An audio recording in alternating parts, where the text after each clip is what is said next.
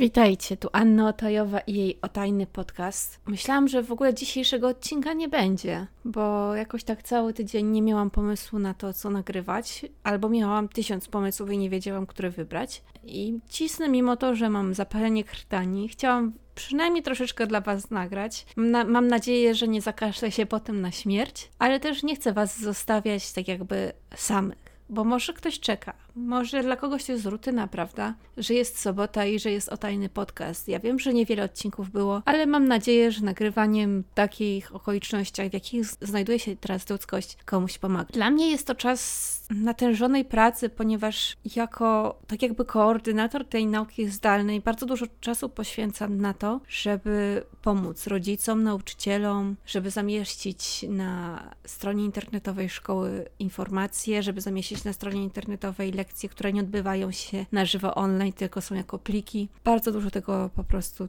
robię. A w międzyczasie czytam książki, bo na Legimi było.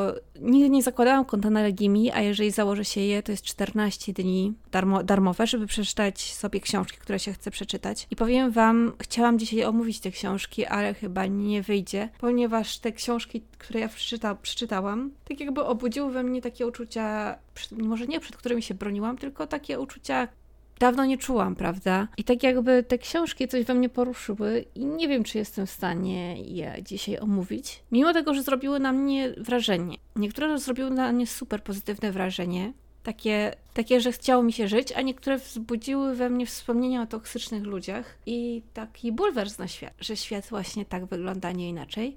Dlatego może odpuszczę sobie mówienie o książkach dzisiaj. Pomyślałam, że nawiążę do tematu, o którym kiedyś już pisałam na moim blogu i o którym chyba już wspominałam w międzyodcinku pierwszym, czyli o tym, dlaczego nie każdy przyjmuje naszą krytykę z perspektywy kogoś, kto przez wiele, wiele lat, od samych początków internetu w Polsce, czytał naprawdę wiele krytycznych komentarzy i to krytycznych w takim nieprofesjonalnym tego słowa znaczeniu. Tekst, który Wam teraz będę czytać, napisałam w 2016 roku i brzmiał on tak. Dlaczego artyści niekoniecznie przyjmą Twoją krytykę? Ostatnio trafiam na różne grupy ludzi czy to na Facebooku, czy na forach internetowych, które mnie wręcz odrzucają. Pełne są one krytyków, którzy czują się obrażeni, że autorzy prac nie zgodzili się z nimi. Tacy autorzy są od razu wyśmiewani, printscreenowani, obwieszani oskarżeniami, że nie potrafią przyjąć krytyki. A tymczasem to sami krytycy są wobec siebie bezkrytyczni. Nie potrafią przyjąć do wiadomości tego, że to oni czasem mogą się mylić, albo że oni nie dopilnowali tego, żeby w odpowiedni sposób przekazać autorowi to, co chcieli napisać. Nie mam zamiaru nikogo nawracać, ale postanowiłam napisać kilka słów o tym, dlaczego chociaż samo pisanie krytyki, która nie ma w sobie mowy nienawiści, nie jest złe, nie powinniśmy zakładać, że zostanie ono przyjęte jako jedyna słuszna prawda. Po prostu mam ochotę na napisanie takiej notki. Mam nadzieję, że nie będzie ani popularna, ani kontrowersyjna. Najzwyczajniej w świecie potrzebuję wyrzucić w eter swoje myśli, a mój blog będzie do tego najlepszym miejscem. Tym razem będę czytać tą notkę, czyli tym razem wyrzucę jeszcze raz w eter to, co napisałam kilka lat temu. Myślę, że teraz nie jestem tak związana z tą notką, jak byłam wtedy, ponieważ y, jakoś tak moja twórczość wygasła i mam nadzieję, że do niej wrócę. Zresztą i tak myślę, że do niej wracam troszeczkę nagrywając ten podcast. No ale cóż, posłuchajmy dalej, co wtedy pisałam. Zero. Jeśli nie piszesz krytyk po to, żeby pomóc autorowi tylko dlatego, żeby twój blog był bardziej poczytliwy, albo dlatego, że musisz się na kimś wyżyć i uważasz, że rzucanie hejtem w internecie świadczy o twojej błyskotliwości, nie sądzę, żeby ten wpis był dla ciebie. Lepiej zajmij się swoją robotą, skup się na tym, co dla ciebie jest ważne i oszczędź sobie czytania tego, co mam do powiedzenia. W wielkim skrócie, autor nie musi zgadzać się z twoją krytyką, a ty nie musisz zgadzać się z autorem. On ma swoje zdanie, ty masz swoje. Krytyka jest potrzebna, ale czasem nie zadziała, a mogłaby, gdyby zaserwować ją w formie profesjonalnego feedbacku. Punkt pierwszy. Zanim wejdziesz do czyjegoś domu, zadzwoń dzwonkiem, zapukaj, zapytaj, czy możesz wejść, a po pozwoleniu ściągnij buty. To chyba jedna z najważniejszych kwestii, które bardzo duża część osób pomija. Wrzucasz swoją pracę w internet, publikujesz ją, pojawiają się komcie bardziej pozytywne i mniej pozytywne. Jednemu spodoba się jedno, inny uzna to za błąd. Każdy wytknie ci coś innego. Kogo słuchać w takim momencie? Większości? A skąd pewność, że ta większość to nie potakujący po sobie znajomi? Wiadomo, że najlepiej przyjąć krytykę od kogoś, kogo się zna. Nie ze względu na kółeczko wzajemnej adoracji, jak potrafią to zarzucić osoby z internetu, ale dlatego, że jeżeli ktoś się z tobą przywita, zacznie normalnie rozmawiać i dowiesz się o jego nastawieniu, a także doświadczeniu w, w danej dziedzinie, to jesteś lepiej w stanie ocenić, czy jego krytyka nie jest złośliwa, nie jest próbą popisania się, że ta osoba wie o czym mówi i ma większe doświadczenie od ciebie. Wszystkie te elementy są ważne. Jeżeli chcesz, żeby ktoś słuchał tego, co mówisz, powinieneś najpierw zdobyć szacunek takiej osoby.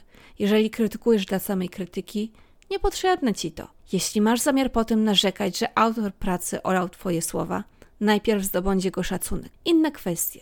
Jeśli ktoś wrzuca pracę na grupę facebookową i krzyczy do obcych ludzi, że potrzebuje szczerej opinii, to powinien być przygotowany na opinię innych ludzi, a potem użyć głowy i wybrać z tych opinii to, co najlepsze. Ale jeśli przychodzimy na stronę autora, bloga, galerię, cokolwiek i bez żadnego dzień dobry, kilku rozmów rzucamy mu hasła, że są do dupy, ślepi, powinni się wstydzić, wstaw durny komentarz hejtera, to powinno być nam po prostu wstyd. To tak jakby wejść do kogoś na chatę bez pytania i zacząć komentować, jak brzydki jest jego dom. Nikt normalny nie przyjmie waszej krytyki, jeżeli będziecie zachowywać się właśnie w taki sposób. Punkt drugi. Zostaw sobie margines na korzyść autora. Możesz się uważać za świetnego specjalistę w danej dziedzinie, bo czytałeś kilka książek, bo masz oczy, więc widzisz. I tak dalej. Ale uwaga, autor zawsze może wiedzieć od ciebie lepiej, bo też ma oczy, bo też czytał wiele książek, a wiedzę, którą ty znasz z teorii, on w praktyce stosuje od lat. Tak około tematycznie dam tutaj przykład z koncertu One Ok Rock w Warszawie. Po koncercie było wiele pretensji o to, że zespół przedstawia się jako One Ok Rock, a fani bezczelnie krzyczeli po prostu One Ok Rock. Tak jak widać. Zero sprawdzania, dlaczego Polacy tak krzyczeli, a wystarczyło w internecie sprawdzić, że obie możliwości czytania nazwy są poprawne, bo nazwa powstała od One O'Clock, o tej godzinie chłopaki urządzali sobie próby, a wersja One OK Rock jest dla fanów zagranicznych, którzy nie bardzo ogarniają, gdzie tu żart słowny. Polacy ogarnęli? Dobrze dla nich. Jeśli nie by nie ogarnęli, też byłoby dobrze, więc nie wiem o co były te wojny. Przed koncertem widziałam bulwersujące komentarze krytyki, że fani zachęcali do nauczenia się piosenek i wybierali te z japońskim tekstem. Przecież nie każdy umie japoński, więc powinno się wybrać do nauki tylko piosenki po angielsku. Co zrobił wokalista na koncercie? W jednej piosence taka zachęcał widownię do wspólnego śpiewania i postanowił trollować Polaków, zostawiając im do samodzielnego śpiewania japońskie partie. No i co? Warto było się nauczyć? Warto. Podczas dyskusji w grupach facebookowych grono znawców starało się zgadywać, co chłopaki zaśpiewają i upominali ludzi proponujących Whatever You Are, bo przecież zespół nagrał Headache, inną baladę, bo im się Whatever znudziło do śpiewania na koncertach. A chłopaki zaśpiewali w Polsce i Headache, i Whenever You Are. Stało się coś złego komuś? Nie sądzę. Wracając do tematu. Choćbyś nie wiem, jaką posiadał wiedzę, to może się okazać, że autor wie lepiej. Dlatego, jeśli chcesz go skrytykować tak, żeby mu pomóc w dalszym rozwoju, to najpierw staraj się zrozumieć jego cele, jego założenia, a dopiero potem komentuj. Jeśli czegoś nie rozumiesz, najpierw dopytaj i się upewnij, a nie zakładaj od razu, że skoro nie rozumiesz, to na pewno jest źle. Jeśli autor chciał narysować mangowy obrazek z tyłu swojego zeszytu do matematyki, to nie dawaj mu komentarza, Mona Lisa jest narysowana lepiej. Audentyk skącia pod moim rysunkiem 15 lat temu. I jeszcze jedna historia, którą mam z moich studiów artystycznych, kiedy byłam na rzeźbie. Ja wyrzeźbiłam dłoń. Profesor, ta dłoń jest zbyt płaska, nikt takiej nie ma. Niech pani tak ułoży dłoń, to pani zobaczy. Ja ułożyłam tak dłoń. Profesor, yy, yy, to lepiej niech ktoś inny pani pozuje. Tak, nawet anatomię w gruncie rzeczy mamy inną i sprawdziłem w lustrze to nienaturalne nie jest zawsze dobrym argumentem. Punkt trzeci. Oprócz ludzi zadufanych w sobie, poszukujących poklasku, istnieją ci, którym naprawdę potrzebne dobre słowo jest, bo wewnętrzny krytyk to czasem chyba raczej wewnętrzny zje. Jest taki obrazek bohatera, który właśnie ma taki rysuneczek i wewnętrzny krytyk, chyba raczej wewnętrzny zjeb. I to idealnie oddaje ten klimat, który dzieje się w wielu, ale to wielu głowach. Są wśród nas tacy, których krytyka i hejt stawiają na nogi. Pokażę im, na co mnie stać.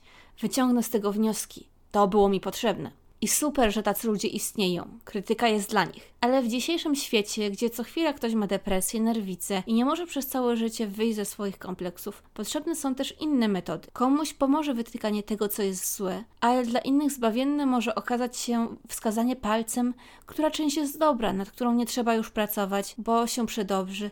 I to czas na skoncentrowanie się na dopracowywaniu innych elementów. Wielu twórców jest zafiksowanych na punkcie tego, co robią już dobrze, zamiast poprawiać to, co jest źle, bo nikt im nie powiedział w tych kilku słów, co już jest dobrze. Wewnętrzny krytyk naprawdę nieprzyjemne stworzenie, które potrafi się bardzo źle rozwinąć i blokować nasze umiejętności przez całe życie. Polecam bardzo przeczytanie sobie jakiegoś artykułu o metodzie zielonego ołówka i mam nadzieję, że kiedyś zostanie on wprowadzony do szkół zamiast czerwonego długopisu. Punkt czwarty. Oceniaj całość, a nie jedno zdanie. Nic tak nie wkurza autora, jak uczepienie się jednego czy dwóch zdań wyrwanych z kontekstu i zafiksowanie się na ich punkcie. Na przykład, to co teraz czytam jest długie. Na początku są odpowiednie ostrzeżenia, w trakcie notki pojawiają się linki do dłuższych artykułów rozjaśniających jeszcze sprawę, a ty udowadniasz, jak zła jest ta notka, bo jedno zdanie wyrwałeś z kontekstu. Amen. Można się nie zgadzać z autorem tekstu, rysunku i tak ale chociaż nie dajcie po sobie poznać tego, że chodzi wam tylko o jedno zdanie. Rozbijanie wypowiedzi na części często zmienia cały kontekst, zwłaszcza na forach internetowych, kiedy próbujecie udowodnić drugiej stronie, że nie miała racji.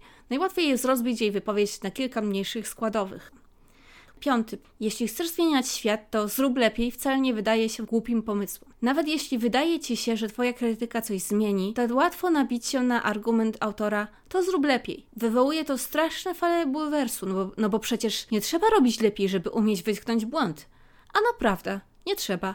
Ale skoro autor nie umie zrobić lepiej, ani ty nie umiesz zrobić lepiej, to tak naprawdę świata tą krytyką nie zawojuje ani autor, ani ty. Także jeśli celem twojej krytyki jest zmiana świata, spróbuj to, to robić najlepiej. Właśnie ty. Chociaż jest jeszcze jedna możliwość, która jest zaproponowaniem rozwiązania. Punkt szósty. Zaproponowanie rozwiązania. Ostatnio przeczytałam taki komentarz. Ona zapytała mnie o to, jak narysować to lepiej, a po wytknięciu jej błędów na rysunku obraziła się. I wtedy to mnie, to mnie uderzyło. Kolejny raz mnie to uderzyło. Wytknąć błędy, a powiedzieć, jak narysować to lepiej, to dwie różne sprawy. Jeśli coś jest źle, to można przecież zaproponować rozwiązanie. Nie takie, no popatrz sobie na zdjęcia, tylko podesłanie gotowego zdjęcia z podobną pozą, zaproponowanie innego programu graficznego, wizualne przedstawienie działania perspektywy w konkretnym przypadku, podpowiedź, jak napisać zdanie, żeby brzmiało lepiej. Wszyscy jesteśmy w stanie się wiele od siebie nawzajem nauczyć, jeśli tylko będziemy w stanie w odpowiedni sposób to podać. Wróćmy jednak na chwilę do punktu piątego, bo chciałam to fajnie napisać razem, ale mam kolejny przykład do piątki z koncertu One OK Rock. Przy wyjściu z koncertu szły za mną jakieś dziewczyny kryty krytykujące ostro, jak to fani nie potrafią się zachować, że to gówniarstwo, że wstyd za takich fanów i tak dalej. Po czym, żeby, żeby przytorować sobie drogę, pchnęły mnie w plecy, ja wpadłam na innych ludzi, a księżniczki sobie przeszły dalej. Slow clapping. Serio, w niektórych sytuacjach argument, jeśli ci się nie podoba, to zrób to lepiej, naprawdę ma sens. 7. Stop mówienie nienawiści. W dzisiejszych czasach brakuje kultury w słowach w internecie. I serio, nikt was nie weźmie na poważnie, jeżeli, jeżeli z waszych wypowiedzi będzie wypływał brak kultury oraz błyskotliwe wstawianie słów niecenzuralnych i słowa rak między wierszami. Tak, to były te czasy, kiedy się mówiło, że się ma raka, jak się coś zobaczyło w internetach. Mhm. Mam nadzieję, że to już nie funkcjonuje, ja przynajmniej tego nie widzę. Głupie rozwiązania czasem działają, więc zastanów się dwa razy, zanim je wyśmiejesz. Jak można napisać przerysowywanie cudzych artów nic was nie nauczy? Może na, można napisać kopiowanie innych ludzi i nazwanie z tego swoim obrazkiem, wrzucając to na internet jest niedopuszczalne i trzeba takie zachowania ukrócić. Ale to, że niektórzy uczą się przez kopiowanie innych jest faktem. Kopiując najlepszych jesteśmy w stanie się wiele nauczyć, byle tylko takich kopii nie wrzucać nigdzie bez pozwolenia publicznie. Niech siedzą w szufladzie i świat ich nie widzi, ale pisanie dzieciom internetu, że kopiowanie w żaden sposób ich nie uczy i nie rozwija, to odcinanie im jednej drogi rozwoju. Wiadomo, że zostaną inne, ale wszyscy mamy różne predyspozycje. Można też wciskać, że jeżeli nie umiesz rysować, to zmiana sprzętu najlepszy ci nie pomoże, że kopiki nie sprawią, że nagle nauczysz się rysować i tym podobne, ale każdy naprawdę ma inne predyspozycje i każdemu podchodzi coś innego. Ja tam wydałam miliony złotych monet na różne farby, różne kredki i różne markery i widzę różnicę przy zmianie sprzętu do rysowania. Człowiekowi od razu rysuje się lepiej, kiedy znajdzie to, z czym mu się najlepiej pracuje. Może nie zrobi to z nikogo automatycznie wielkiego artysty, ale z doświadczenia wiem, że nie ma sensu umęczać się z ołówkiem 3H za 50 groszy, bo sprzęt artysty ze mnie nie zrobi. Kolejny rysownik zaczął jęczeć, że nic nie potrafi, że ma depresję i popełni samobójstwo. Przyjdą ludzie z internetu i go wyśmieją, że to dla fejmu. A co jeżeli na te 20 osób, które zbierają fame, znajdzie się jedna, która naprawdę w ten sposób szukała pomocy? Niedawno na Twitterze miałam taką sytuację, to było, pamiętajcie, że to było 4 lata temu. Niedawno na Twitterze miałam taką sytuację, że kolega z innej strefy czasowej pisał w nocy tego typu teksty. Kiedy następnego dnia wróciłam z pracy i otworzyłam internet, znalazłam tylko tweety, że przez najbliższe kilka dni będzie offline, bo jest w szpitalu po nieudanej próbie samobójczej. I w sumie dobrze, że na tym się skończyło, ale dla kogoś wcale to nie musi się kończyć odratowaniem. Zwracajcie uwagę na takie rzeczy. Kurczę, jaka ja w tym 2016 byłam już mądra. A potem się stała moja depresja. Na dzisiaj to koniec moich rozważań i wiem, że to troszeczkę jest przestarzała moja notka, ale chyba nadal aktualna. I wiem, że no, poszłam po linii najmniejszego oporu, z tym, że nagrałam wam coś, co już kiedyś napisałam. Ale tak jak mówię, no cała sytuacja troszeczkę mnie gniecie i poza tym moje gardło nie wytrzymuje za dużo gadania, a łatwiej jest przeczytać łatwiej i krócej jest przeczytać coś, co się już napisało, niż coś, co się mówi z głowy, prawda? Chociaż ja wolę mówić te podcasty z głowy, bo wychodzą może troszeczkę bardziej chaotycznie, ale też może mniej monotonny jest wtedy mój głos. I myślę, że to nie są wszystkie punkty. I jest jeszcze wiele punktów, które mogłabym tutaj dodać. Ale słuchajcie, no teraz nawet tak jak mówię, ja już mało co tworzę w internecie, mało co jest tej interakcji w internecie ze mną i nie pamiętam już wielu przykładów. Myślę, że jestem też, no te mimo wszystko te 4 lata starsza niż wtedy, tym bardziej jakoś się nie przejmuję tą krytyką. To co tu jeszcze napisałam na koniec, na podsumowanie. Każdy z nas ma swój rozum i każdy działa z innego powodu i innych pobudek. Dlatego nie da się dogodzić każdemu. Jeden będzie pływał w morzu krytyki, i hejtu z własnej woli, bo to go rozwija. Inny z tego samego powodu będzie płakał w kącie i chce mu się rysować. Fajnie by było, gdyby każdy artysta i każdy krytyk wypracował sobie świadomość, samoświadomość i ustalił własny margines błędu, żeby potem przyjąć krytykę, krytykę zwrotną na temat swojego komentarza. Ale pewnie się nie da, bo gdyby się dało, to już dawno byśmy to zrobili. Ostatnio usłyszałam od bardzo młodej osoby, że jej życie jest skończone, że teraz stanie się pośmiewiskiem i bardzo się tym przejęłam. Zmartwiona zbadałam całą sytuację i okazało się w końcu, że Osobie tej została skonfiskowana komórka, bo na lekcjach w szkole nie potrafiła przestać grać i dostała przymusowy odby- odwyk. Dlatego czasem jednak wcale nie jest dobrze wiedzieć, co autor miał na myśli. Patrz, punkt drugi. To była Anna Otajowa i kilka słów o krytyce. Możecie do mnie pisać na niebieskakoza1 małpa. Postaram się odpowiadać na moje maile raz w tygodniu. Do zobaczenia.